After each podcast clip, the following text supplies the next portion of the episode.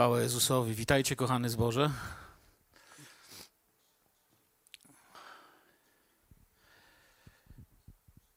Może nie wiem jak wy, ja tak, ale czasem zastanawiacie się,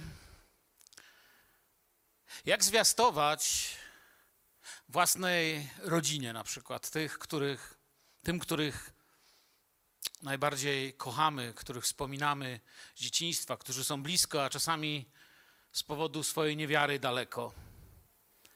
Jak to zrobić, żeby widzieć nawrócenia w swojej rodzinie? Jak to zrobili ci, którzy mają rodzinę, której jakaś część jest zboże? Czasami jest to jakiś proces iluś lat. Pamiętam, gdy przyszedłem tu pierwszy raz, to nie było nikogo. Dziś powiem tak, nie mogę narzekać, ale chcę więcej. Chciałbym widzieć więcej członków naszej rodziny nawróconych. Amen. Tak samo waszych, prawda? Aby poznawali Pana. Jak to było u Pana Jezusa? Dzisiaj zatytułowałem słowo, którym chcę się z wami dzielić. Brat Pana Jezusa i realność Zbawiciela.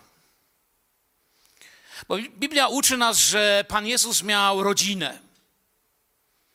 I w tym kierunku dzisiaj, w czasie tego środowego nauczania, bo to przecież nauczanie z reguły w środy jest, chciałbym zobaczyć.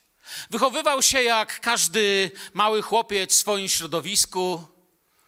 Wiemy, że Pan Jezus urodził się jako malutkie dziecko, rósł, wzrastał. Mamy tam malutki fragmencik te, tego jego wczesne, wczesnego okresu, kiedy się zgubił, takiego wczesnego nastolatka, bym powiedział. No i oczywiście Betlejem, mędrcy, ale nie ma tego za wiele. Jednak wiadomo, że wychowywał się jak mały chłopiec, miał kolegów, biegali. Myślę, że był napominany przez rodziców, bo na tym polega wychowanie. Miał oczywiście wielką mądrość jako dziecko, co też nam Słowo Boże wskazuje. Chociaż czasami, kiedy, kiedy tak człowiek się nie zastanowi nad tym tak na spokojnie, nie przemyśli, to można mieć takie wrażenie, że właściwie od razu z szopki to wyszedł dorosły i poszedł się ochrzcić. Wiadomo, że tak nie jest. To jest y, bardzo duży okres czasu pomiędzy tym betlejemskim żłobem, a, a tym, kiedy Jezus idzie y, na pustynię, aby pościć, lub czasami gdzieś tam właśnie nam wpadnie ten moment, że zgubił się w drodze z Jerozolimy. Ale ogólnie niewiele wiemy.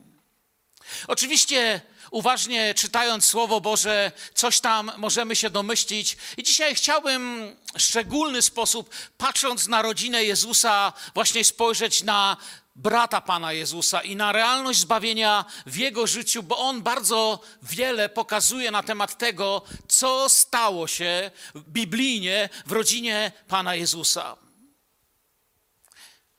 Jezus, Zbawiciel, Mesjasz, król królów, pan panów. Bez niego nic nie powstało, co powstało. Wszystko, co powstało przez niego i dla niego zostało stworzone. Mamy obraz Jego potęgi, mamy w sercu oczekiwanie na Jego przyjście. Co jednak właśnie z Jego rodziną? Czego w tym miejscu dzisiaj, w tą środę, może nas nauczyć Słowo Boże?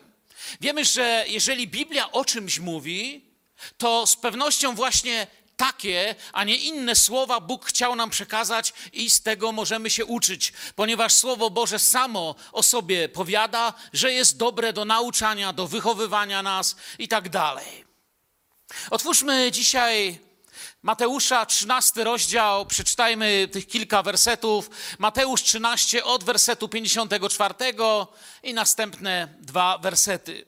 A przyszedłszy w swoje ojczyste strony, Nauczał w synagodze ich tak, iż się bardzo zdumiewali i mówili, skąd ma tę mądrość i te cudowne moce. I to jest to, co w synagodze obcy ludzie widzieli. Ale zaraz pojawia się 55 werset, który nas troszkę sprowadza tutaj do innego myślenia. 55. Czy nie jest to syn cieśli? Czy matce jego nie jest na imię Maria, a braciom jego Jakub, Józef, Szymon i Juda, a siostry jego, czyż nie są wszystkie u nas? Skąd ma tedy to wszystko? Tyle wiedziano o Jezusie tak ogólnie w jego miejscowości. Bardzo często i dzisiaj nie o tym chcę mówić, bo to kiedyś tam na ten temat nauczaliśmy już, zresztą nie jedno kazanie tu z tego fragmentu słyszałem, że oczywiście dzisiaj również na świecie wielu ludzi potrafi wymienić i, i jak się nazywa jego mama, i tata, i bracia. Niektórzy się nawet do nich modlą, ale często znajomość nauki Jezusa i osoby Jezusa pozostawia wiele do życzenia.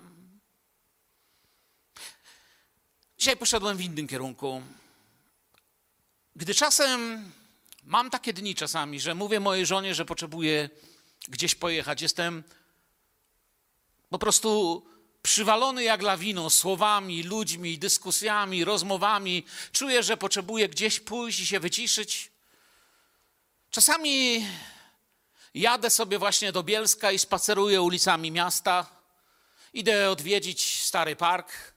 Idę odwiedzić uliczki, gdzie kiedyś mnie tak wzięło i poszedłem sobie drogą, którą chodziliśmy z domu z mamą do przedszkola. Mówię wam, dziwne wspominanie. I tak sobie, gdy spaceruję czasami tymi uliczkami Bielska Białej, nie raz, nie dwa razy spotkałem przed blokiem ludzi, z którymi znaliśmy się w szkole, znaliśmy się w dzieciństwie. Ba, nawet jeden raz taki pan starszy mnie zaczepił, patrzę, gość mnie zaczepia, cześć Mirek, ja się na niego patrzę.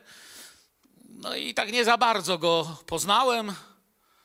A on mi mówi, przecież do szkoły chodziliśmy razem. I dopiero jak powiedział, to gdzieś tam to, wiecie, Koledzy ze szkoły ciągle mają 12 lat w naszej głowie. Okazało się, że to przyjaciel z dawnych czasów. Przychodzą wspomnienia. Po nich widać, po naszych przyjaciołach, że czas leci. Siebie jakoś człowiek tak w lustrze codziennie widzi, tak tego nie czuć. Tak dziwnie się człowiek czuje, kiedy kolega z klasy ci mówi, że został dziadkiem. Chłopie, co ty? Jeden z nich pamięta moje wybryki, wiedzą, gdzie mieszkała moja mama, wiedzą, że tu się wychowałem. I w miarę rozmowy wspominamy, jak biegaliśmy to tu, to tam. W miejscach, gdzie dzisiaj są osiedla, wtedy były stare porzucone sady, sadzawka, gdzie łapaliśmy żaby i tak dalej. Każdy z nas ma gdzieś tego typu wspomnienia. Tak też Pan Jezus Przyszedł w swoje ojczyste strony, w miejsca, gdzie był jako po prostu młody człowiek, gdzie, gdzie pracował, gdzie uczył się, gdzie dojrzewał. Przyszedł w swoje ojczyste strony i ludzie mówią: My wiemy, kto to jest. Czy ci, którzy tam mieszkają, jego rodzina, i bliscy uwierzą, że jest Zbawicielem świata? Czy uwierzą, że jest tym oczekiwanym Mesjaszem? Czy w moim zwiastowaniu moi bliscy, moi przyjaciele zobaczą zmartwychwstałego Jezusa? Czy jego rodzina od początku była z nim? Kto z Was czytał Biblię, to właściwie bardzo łatwo odpowie na to pytanie, czy rodzina Jezusa była od początku z nimi po jego stronie. Dlatego dzisiaj zadaję te pytania, ponieważ chciałbym pokrzepić wielu z nas w naszych modlitwach o tych, których miłujemy. Chciałbym pokazać Wam, że Twoja rodzina nie jest jakąś wyjątkową patologią, gdzie Ty się nawróciłeś, a inni nie mogą, że wiele razy i nawet w wypadku Jezusa nie zawsze to wszystko tak było, jakbyśmy sobie wyobrażali, że już co jak co, ale u Jezusa to pewnie poszło łatwo. No właśnie, że nie. Nie jedno przyjdzie nam jeszcze przejść. I pragnąłbym dzisiaj pokazać, jak Pan Jezus z nas nie rezygnuje i jak my musimy uczyć się rozumieć, pojmować trudne chwile w świetle łaski Bożej i Jego planów dla naszego życia. Jak trudno uwierzyć czasami, kiedy patrzysz na tych, których kochasz, a szczególnie jeśli jeszcze pije, ćpa, stacza się, widzisz, jak mu się rozlatuje zdrowie, życie kiedy prosisz, Boże, pragnę widzieć moją rodzinę, kiedy przypominam sobie, że jeśli ja się nawrócę, to przecież i mój dom, i trzymam się tej obietnicy jak koła ratunkowego. Jak trudno mi uwierzyć czasem, że rzeczy, przez które nas Bóg prowadzi w naszym domu i rodzinie, rozwijają nas, że są dla nas dobrze, dobre Czasami to, co się dzieje w naszym życiu, powoduje, że mielibyśmy ochotę zapytać Boże, dlaczego, a czemu nie inaczej? Przypomina mi się taka historia George'a Whitefield- Whitefielda z 1744 roku. Whitefield wraca po długiej podróży kaznodziejskiej, misyjnej, ewangelizacyjnej. Wraca z takiej misji spragniony widoku swojej żony, spragniony widoku swojego już czteromiesięcznego synka, którego jeszcze nie widział. Syn nazywał się Janek i w drzwiach spotyka swoją przerażoną i zapłakaną rodzinę, która powiadamia go o śmierci syna. Spóźnił się kilka dni i przyjechał właściwie, można rzec, na pogrzeb. Mały Janek umarł z powodu wylewu i Whitefield ze złamanym sercem zebrał w ten dzień rodzinę na modlitwę. Czuł, że wrócił z misji i musi teraz własną rodzinę zebrać wokół nieszczęścia, którego nie pojmuje, wokół nieszczęścia, na które rodzinnie nie potrafi znaleźć żadnego wytłumaczenia, że gdy na usta by się cisnęło, Boże, przecież byłem na misjach. On oczywiście tego nie mówi, to tak mi się wydaje, że, żeby było. Ale zbiera rodzinę, modlą się. I po jakimś czasie modlitwy Whitefield wstaje i mówi: Bóg powiedział mi, Bóg przekonał mnie w głębi mojego serca, że ja będę tym, który powie naszemu synowi do widzenia jako usługujący pastor: Poprowadzę pogrzeb mojego Janka. Kiedy modli się o słowo na ten pogrzeb, otrzymuje słowo z Rzymian, które bardzo dobrze znacie. Rzymian 8, 28. Pamiętacie to słowo? A Bóg współdziała ku dobremu z tymi, którzy Boga miłują. Świadkowie tego pogrzebu w 1744 roku powiadają, że łamiącym się głosem Whitefield nad grobem, nad grobem własnego syna rozpoczął kazanie. Bóg współdziała ku dobremu z tymi, którzy Boga miłują, ku dobremu z wszystkim, co dla nas robi, ku dobremu. Pan Jezus, Jego rodzina, Jego bliski, Jego bliscy. Jezus nie był otoczony jakimiś gigantami wiary, którzy byli najlepszymi teologami. Wiemy bardzo dobrze, że rodzina Jezusa to nie byli jacyś supermeni. I oto ktoś taki, człowiek z rodziny Pana Jezusa, Jakub, którego duchowe życie jest przepięknie w Biblii pokazane, choć nie jest to może złożone w jedną całość. I wcale przyglądając się temu, nie wyłania się obraz jakiegoś tak zwanego świętego z marmuru, ale wyłania się obraz naprawdę zwykłego człowieka, który jeszcze do tego bardzo dobrze o tym wie. Jakub, syn Józefa, brat Jezusa. Czyli Jezus jako starszy brat i rodzinny dom Jakuba. To jest otoczenie, w którym przychodzi mu się wychowywać. W naszym fragmencie, ten, który przed chwilą czytaliśmy w Mateusza w 13 rozdziale, te trzy wersety, 54, 5 i 6, mamy najlepszą listę tej fizycznej rodziny Pana Jezusa. W tym domu, jak widzimy, mieszkali Józef, Maria, oczywiście Jezus i jego czterej bracia i z tego co wiemy przynajmniej trzy siostry. Dlatego, że mamy tam użyte słowa wszystkie. A, a, a w oryginale ten 56 werset, wszystkie odnośnie sióstr wskazuje, jeżeli w Grece się mówi wszystkie, to znaczy, że więcej niż trzy. Trzy albo w górę. Czyli wiemy, że nie dwie. A więc mamy Józefa, Marię i przynajmniej ośmioro dzieci mieszkało w tym domu.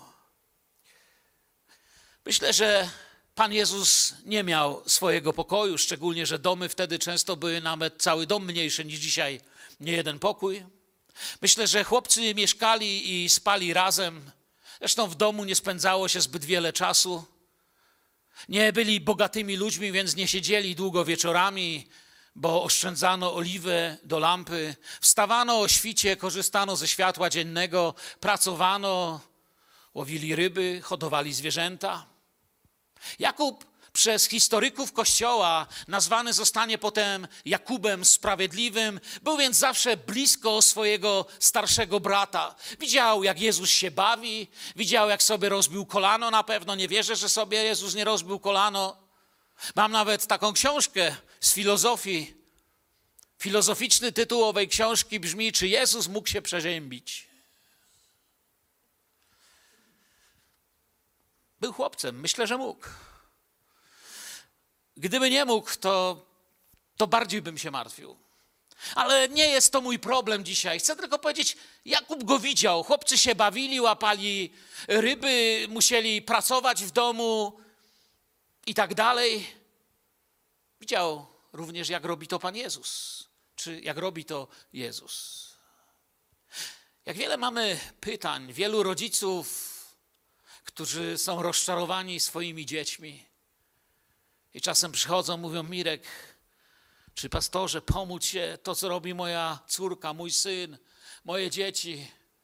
Oni w ogóle nie widzą, ranią mnie, albo na odwrót przychodzą dzieci i martwią się, że tato stacza się. Rodziny przechodzą swoje problemy, nastolatki, psycholodzy, historycy i naukowcy chcieliby popatrzeć na Jezusa, gdy miał 6 lat i mieć więcej na ten temat.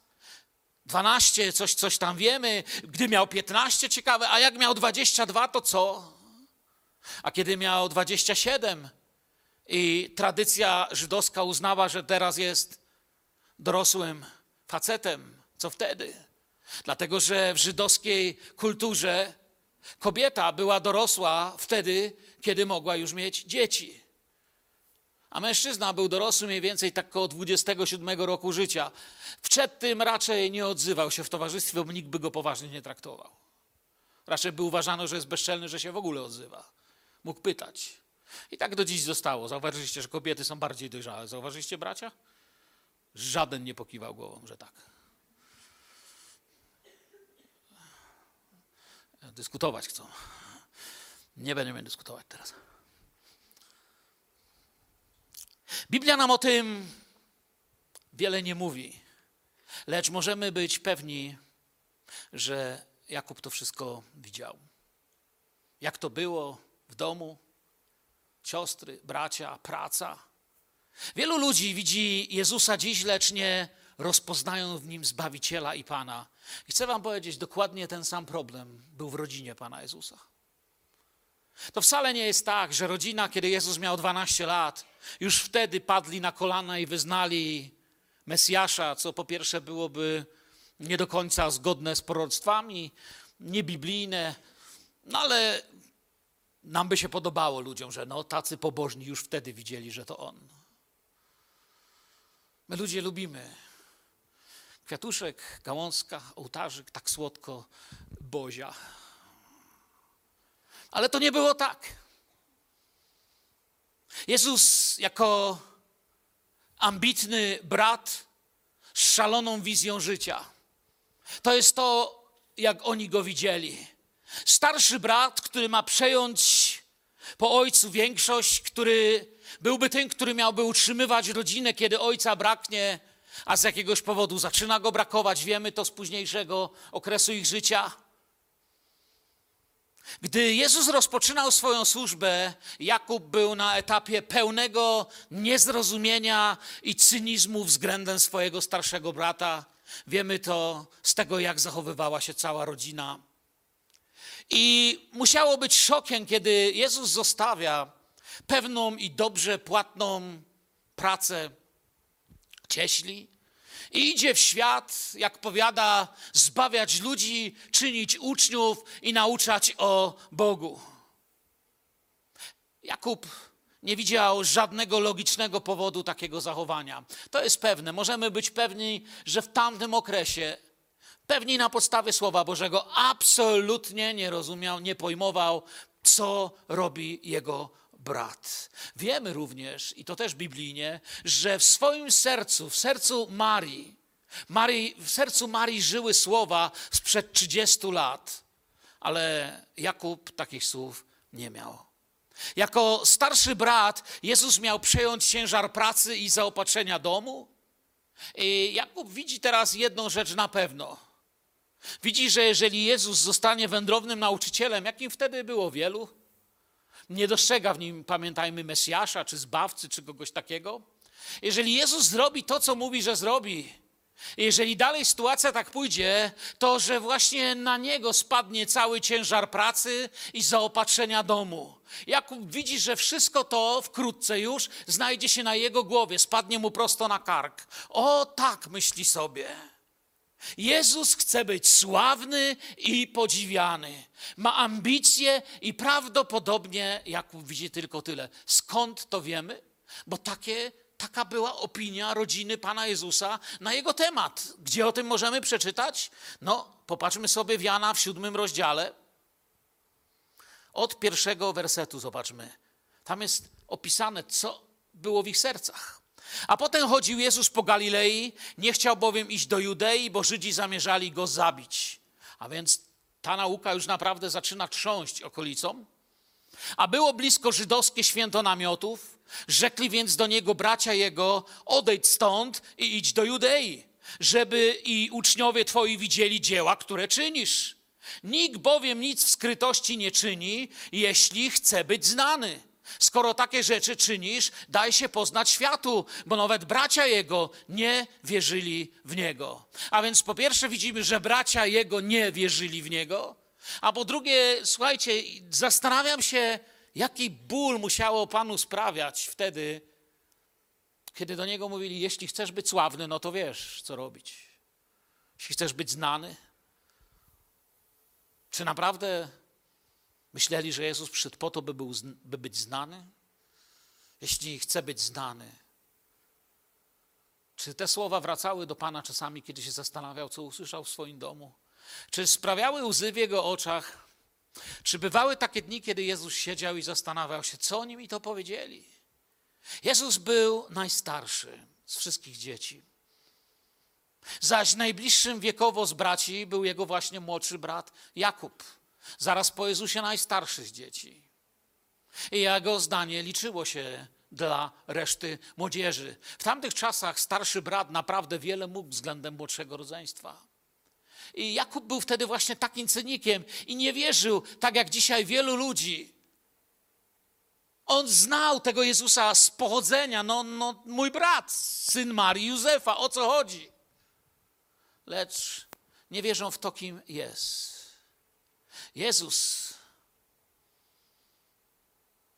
zaczyna w ich oczach i, i to jest aż trudno uwierzyć, że coś takiego jest ale Jezus w ich oczach zaczyna być widziany przez nich jako chory psychicznie i obłąkany starszy brat. Dochodzą do wniosku, że nasz brat, który sobie poszedł z domu i czyni uczniów, ma coś z głową, bo dokładnie tak o nim zaczynają myśleć. Zanim cokolwiek tu powiem więcej na ten temat, zobaczmy po prostu na Słowo Boże, co nam o tym mówi. To mamy w Marka, trzeci rozdział, 20, 21 werset. I poszedł do domu i znowu zgromadził się lud, tak iż nie mogli nawet spożyć chleba, a krewni, gdy o tym usłyszeli, przyszli, aby go pochwycić. Mówili bowiem, że odszedł od zmysłów. Krótko mówiąc, rodzinka stwierdziła, on ma coś z głową. Znowu myślę, że była to dla niego wielka rana. Uważali, że odszedł od zmysłów, co jest delikatnie mówiąc, dzisiaj by ktoś powiedział to, że zwariował. Oto miasto, w którym żył jako chłopiec. Rodzina uznaje, że odszedł od zmysłów, jak delikatnie tutaj to piszą, i dramat rozwija się w miarę, popatrzmy na to też, jak ten dramat się rozwija, jak musiał czuć się Pan Jezus. W tym samym czasie faryzeusze uznają, że jest opętany, władze, że jest niebezpieczny, rodzina, że jest szalony, w miarę kiedy jego nauczanie odchodzi od dawania rybek i chlebków, a przechodzi na to, że kto nie spożywa mego ciała i nie pije mojej krwi, nie jest mnie godzien, następni ludzie odchodzą. Zobaczcie, ile ran musiało być w jego przyjaznym sercu. Tu w tym fragmencie, co przeczytaliśmy, nie było nawet czasu zjeść, gromadzili się ludzie, ale krewni uważają, że coś ma z głową. odezwali się uczeni w piśmie, jak powiedziałem przed chwilą. Przybyli z Jerozolimy, Słowo Boże nam mówi. Możecie to znaleźć. Marka 3, nie wiem, 22 werset chyba. Powiedzieli, on ma Belzebuba. Mocą księcia demonów wypędza demony. A rodzina, krewni, on odszedł od zmysłów. Nie stanęli w jego obronie. Przyszli na miejsce skandalu, ale nie poparli Jezusa. W Ewangelii Marka czytamy dalej, trzeci rozdział, 31 werset i dalej. Wtedy przyszli matka i bracia jego, a stojąc przed domem posłali po niego i kazali go zawołać. Przyszli po niego, bo on służył, tak? A wokół niego siedział lud. Wokół niego, słyszycie to? Widzicie to? Mamy to, nie? W wyobraźni. Siedział lud. I powiedzieli mu, oto matka twoja i bracia twoi i siostry twoje są przed domem i poszukują cię. I odpowiadając rzekł mi, któż jest matką moją i braćmi? I powiódł oczyma po tych, którzy wokół niego siedzieli i rzekł, oto matka moja i bracia moi. Ktokolwiek czyni wolę Bożą, ten jest moim bratem i siostrą i matką. Widziałem już różne próby teologicznego usprawiedliwienia Jezusa. Ludzie czasami próbują go bronić przed jego własną prawdą i własnymi słowami, ale to jest dokładnie to, co tutaj powiedział. Jezus przyznaje się do tych, którzy politycznie i religijnie najbardziej mogliby mu zaszkodzić, czyli tych, którzy go słuchają, bo faryzeusze uważają, że jest prowadzony przez Belzebuba, a władzę, że jest niebezpieczny. Że być może nawet jest Janem Chrzcicielem, zaczną uważać potem, który zmartwychwstał. A Jezus przyznaje się do tych, którzy politycznie, gdyby mu chodziło o opinię i o sławę, niewiele mogliby mu pomóc. Raczej takie znajomości szkodzą. Grzesznicy, prostytutki, celnicy, zaczyna być osądzany. I przyjdzie dzień, Słowo Boże mówi, że w obecności aniołów, gdy on podobnie przyzna się do tych, którzy wokół niego siedzieli, do tych, którzy do niego na tym świecie się przyznali jako do Mesjasza i Zbawiciela. O tak, mój brat oszalał, musiał pomyśleć najstarszy brat. Miał ku temu powody. Droga, którą poszedł Jezus, miała doprowadzić go do poniżenia, tortur, ubiczowania i krzyża. A potem wziął krzyż i wyruszył za miasto w kierunku wzgórza zwanego trupią czaszką, a serce jego starszego brata ulegało przemianie. Jest taka stara pieśń, tyś jest garncarzem, jam gliną jest. Pamiętacie? Bóg kształtował serce Jakuba. Pan Jezus podniósł krzyż i poszedł za niego, za Marię, za każdego z nas, za każdego grzesznika na obliczu tej ziemi. Baranek Boży, każdy, kto uwierzy, będzie zbawiony. Baranek Boży, który poszedł zgładzić grzech świata, który gładzi grzech świata. Jezus Chrystus mój Zbawiciel. A serce jego brata zostaje kształtowane, formowane przez Boga, aby pewnego dnia mogło wypowiedzieć te słowa, aby mogło wyznać myślą, słowem, uczynkami i zmianą, całkowitą zmianą kierunku swojego życia. Jezus Chrystus, mój zmartwychwstały brat. Jeden z najstarszych biblijnych, to znaczy nowotestamentowych tekstów. Bo oczywiście my znamy Nowy Testament na zasadzie, że mamy Mateusza, prawda, i do objawienia Jana, i mamy tu pewną kolejność. Ale to nie jest kolejność chronologiczna. Chronologicznie jeden z najstarszych tekstów na temat zmartwychwstania Pana Jezusa, napisany wcześniej niż mamy napisane Ewangelię, to jest Koryntian. 1 Koryntian 15:7 przeczytajmy. Potem ukazał się komu? Jakubowi, następnie wszystkim apostołom. Ten mały werset wyjaśnia mi tak wiele, co musiało stać się w sercu jego brata. Wyjaśnia mi tak wiele, co w drodze jego życia, przyglądając się posłudze Jezusa, musiał doświadczyć. I wiecie, to jak już powiedziałem, jest najstarszy nowotestamentowy zapis zmartwychwstania, starszy niż Ewangelię i gdybym był Jakubem, to to byłby najważniejszy werset w Biblii, jaki bym miał. Gdybym Jakubem, powiedziałbym ten werset, pokazuje mi, jak długo musiałem dojrzewać, by dojrzeć do miłości mojego starszego brata, ale że tak jak Jakub jestem grzesznikiem, to ten werset jest dla mnie ważny, ponieważ wiem, że Jezus zmartwychwstał dwa tysiące lat temu i mi i Tobie postanowił się objawić. Chwała Jezusowi.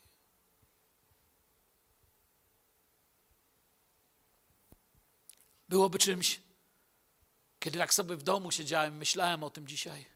Byłoby czymś niesamowitym zobaczyć, jak zmartwychwstały Jezus spotyka swojego młodszego brata. Co się wtedy mówi? Jak, jaki jest dialog? Gdzie się spotkali? W którym miejscu to było? Czy wiedząc o tym, że go zabito, zamordowano, ja nie wiem, to są moje słowa, żeby ktoś nie myślał, że czytałem to w Biblii. Czy poszedł może gdzieś właśnie w miejsce, gdzie, gdzie razem się bawili? Może tam stał i wspominał. Może był gdzieś indziej. Może, może to było tak zwyczajnie, a może nie, nie wiem. Nie wiemy, o czym rozmawiali. Wiemy na pewno, że na zawsze zmieniło się życie Jakuba. Potem zobaczymy go jako lidera kościoła w Jerozolimie.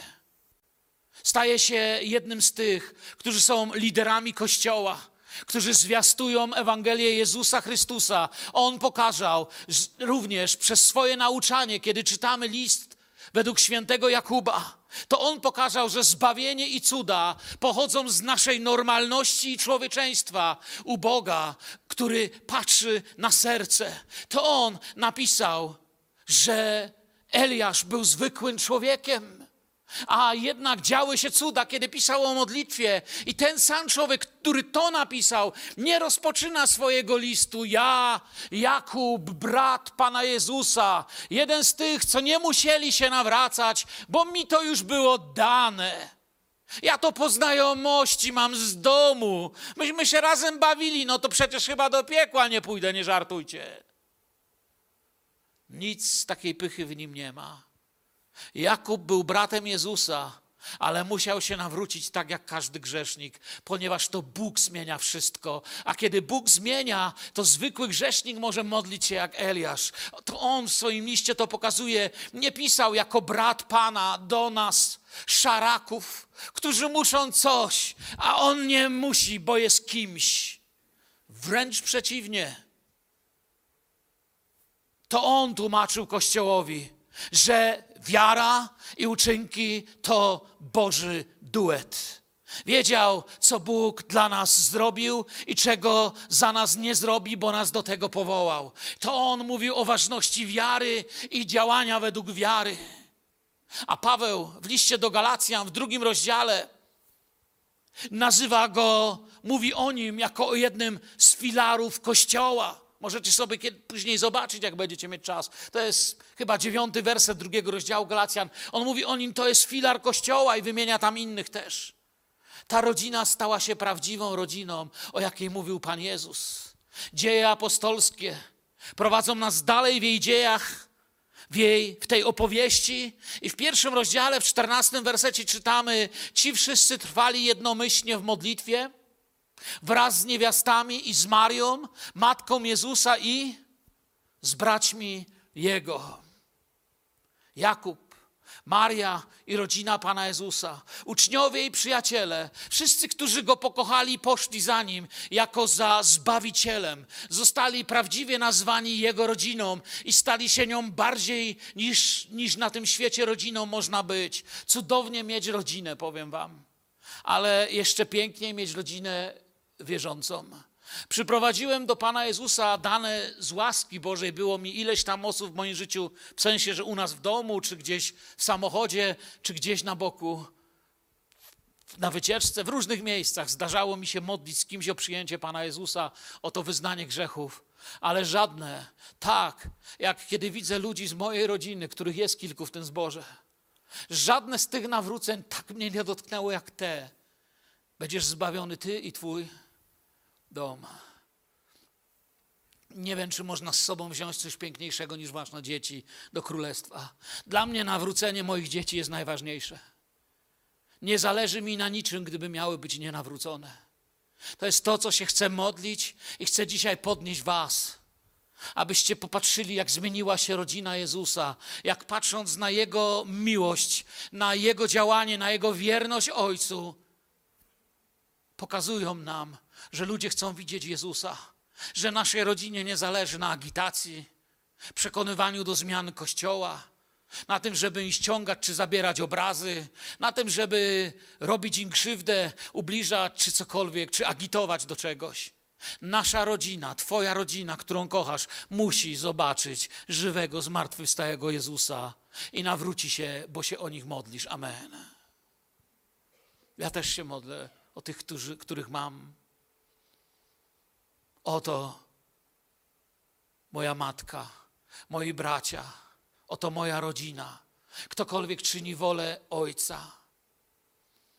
Niezwykła odpowiedź, kiedy pokazał nie to, co my na pierwszy rzut oka widzimy, ale to, jak się przyznaje, jak bardzo pragnie, by ci, których się kocha, byli obok. Nie raz, szczególnie na misjach, wspominam takie lata, nie mogłem w trudnych chwilach zadzwonić do mojej najbliższej rodziny. Przechodziliśmy z żoną największe wstrząsy i doświadczenia naszego życia, ale w tym czasie nie mogliśmy dzwonić do mojej bliskiej rodziny. Wiecie dlaczego? Nie dlatego, że mnie nie kochali. Oni mnie kochali, zawsze mnie kochali. Ale dlatego, że nie potrzebowałem, by się o mnie ktoś martwił, ale potrzebowałem, by się o mnie ktoś modlił. A dopóki nie poznali Pana, to by się tylko martwili. Dzisiaj jest zupełnie inaczej. O wszystkim mogę ich poprosić i będą się modlić. Dzisiaj mam zupełnie inną sytuację. Jezus mój, mój Zbawiciel i Pan. To jest i w życiu Jakuba tak widoczne. Poszedł za swoim Zbawicielem. Oto Jakub, jakiego znamy dziś.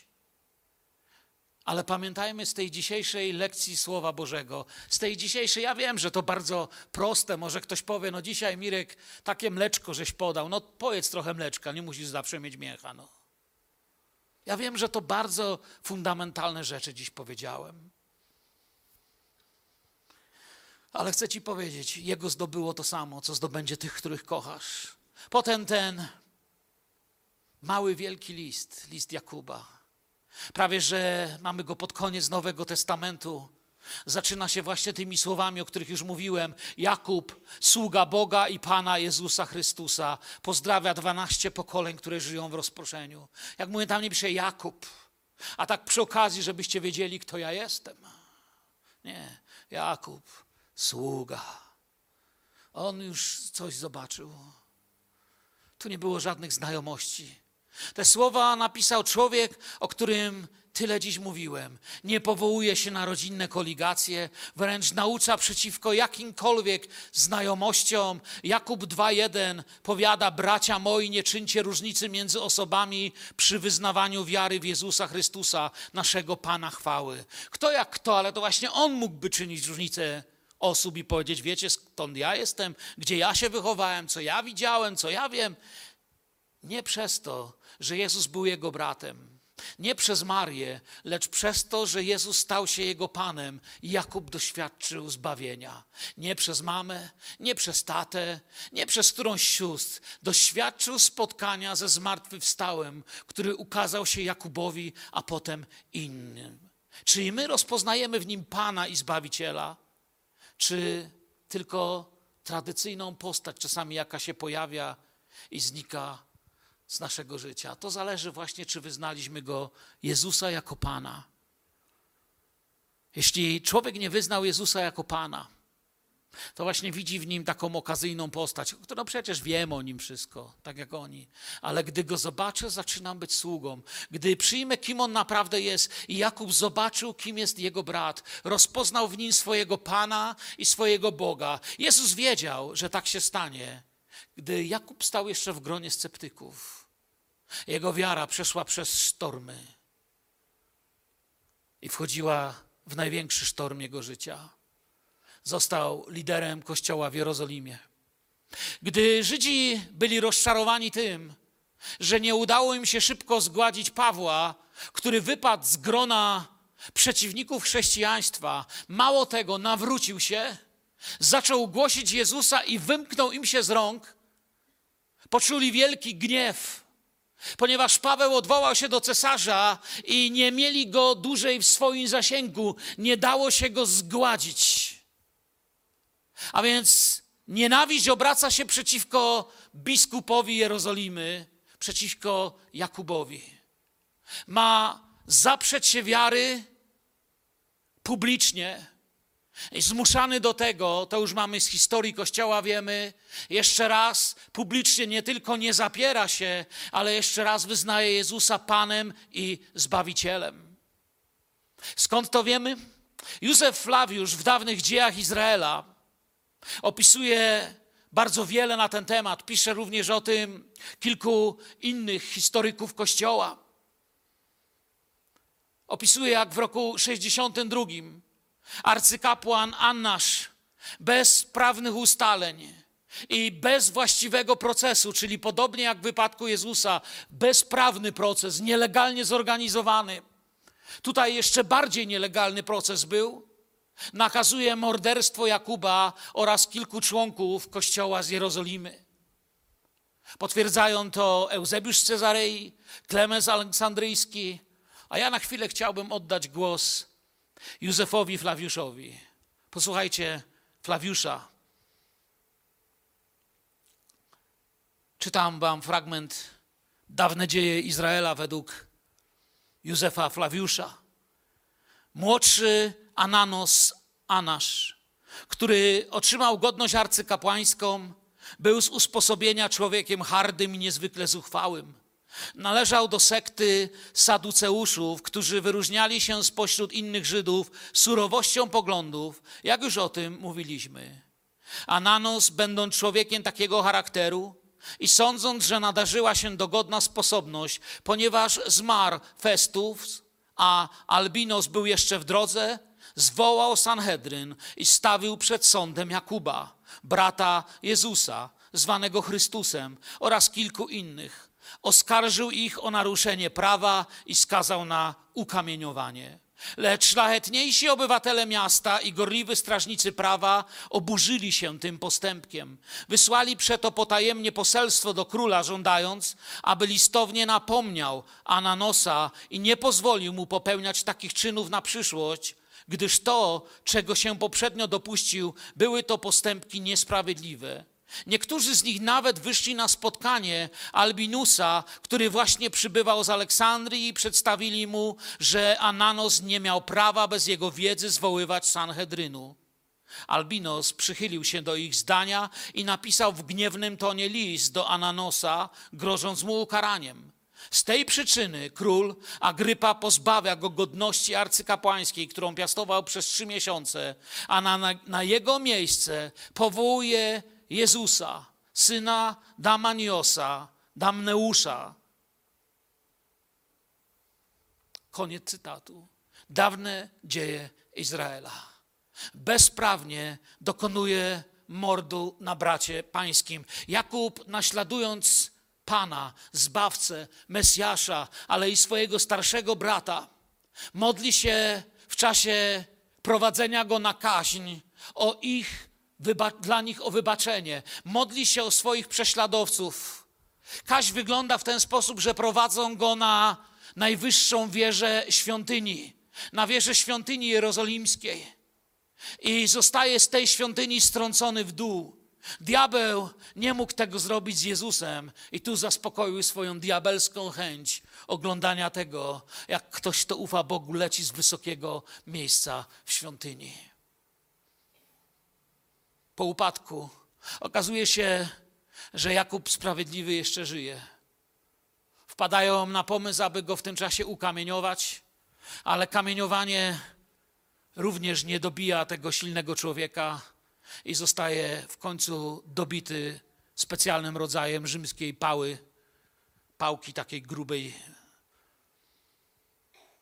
i ponosi śmierć. Odchodzi do chwały do chwały Zbawiciela, do chwały Mesjasza, do chwały swojego brata Zbawiciela. To on napisze w swoim liście, błogosławiony mąż, który wytrwa w próbie, Gdy, bo gdy wytrzyma próbę, weźmie wieniec żywota obiecany przez Boga tym, którzy Go miłują. To Jego list. Wzywa Ciebie i mnie do życia z pasją dla Jezusa, do połączenia tego, w co się wierzy, z uczynkami naszego życia. To On odważy się grozić bogaczom, którzy opierali się na rodowi, rodo, rodowodach, stanowiskach, skąd, z jakiego rodu, nie wiadomo, e, oni pochodzą. On był z rodu króla królów, pana panów, ale nie powoływał się na to, był sługą do końca. Zapowiada sąd nad skorumpowanym życiem wielu bogaczy i notabli. Mówi wasze skorumpowane miasto, wasze skorumpowane życie, płaczcie i biadajcie bogacze, bo już się to wszystko dokonuje. Dwadzieścia lat po tych słowach. W roku 70 miasto zostaje otoczone przez, Jezu, przez Tytusa i tak jak Jezus zapowiedział, ani ze świątyni, ani z murów nie zostaje kamień na kamieniu, który by nie został zwalony. Zaczyna się początek końca. Jeżeli dziś boli cię Twoja niewiara i ciągłe zwątpienie w sprawie nawrócenia Twoich bliskich, to chcę Ci na koniec, już kończąc, powiedzieć: Pan nie zrezygnował z Jakuba i nie zrezygnuje z tych, których kochasz. Nie zostawi Cię w tym miejscu, bo to jeszcze nie koniec. Amen. Podziękujmy Jezusowi. Ojcze, dziękujemy Ci za tą prostą biblijną lekcję Twojej wierności. Za to, że możemy oglądać w życiu tych, których Ty kochasz, prawdę o tym, że i nas kochasz. Że Panie, z tego, co jak żyłeś, co mówiłeś i co uczyniłeś dla nas, mogę z pewnością stać teraz wobec całego świata, być pewnym, że Jezus kocha mnie, że Jezus kocha każdego grzesznika, że Jezus pragnie, aby nikt nie zginął, ale aby wszyscy zostali do prowadzenia poznania Twojej drogi. Włóż to przekonanie, to świadectwo głęboko w nasze serce. Proszę Cię, spełnij pragnienia naszych serc. Jesteśmy zbawieni i chcemy oglądać zbawienie naszych bliskich i tych, których kochamy. Błogosław też tych, którzy zebrali się dzisiaj tutaj w Filadelfii. Prowadź ich, Panie, pełnych zachęty i posilenia do domu. Dziękuję Ci za Twoje słowo, które jest prawdą. Amen.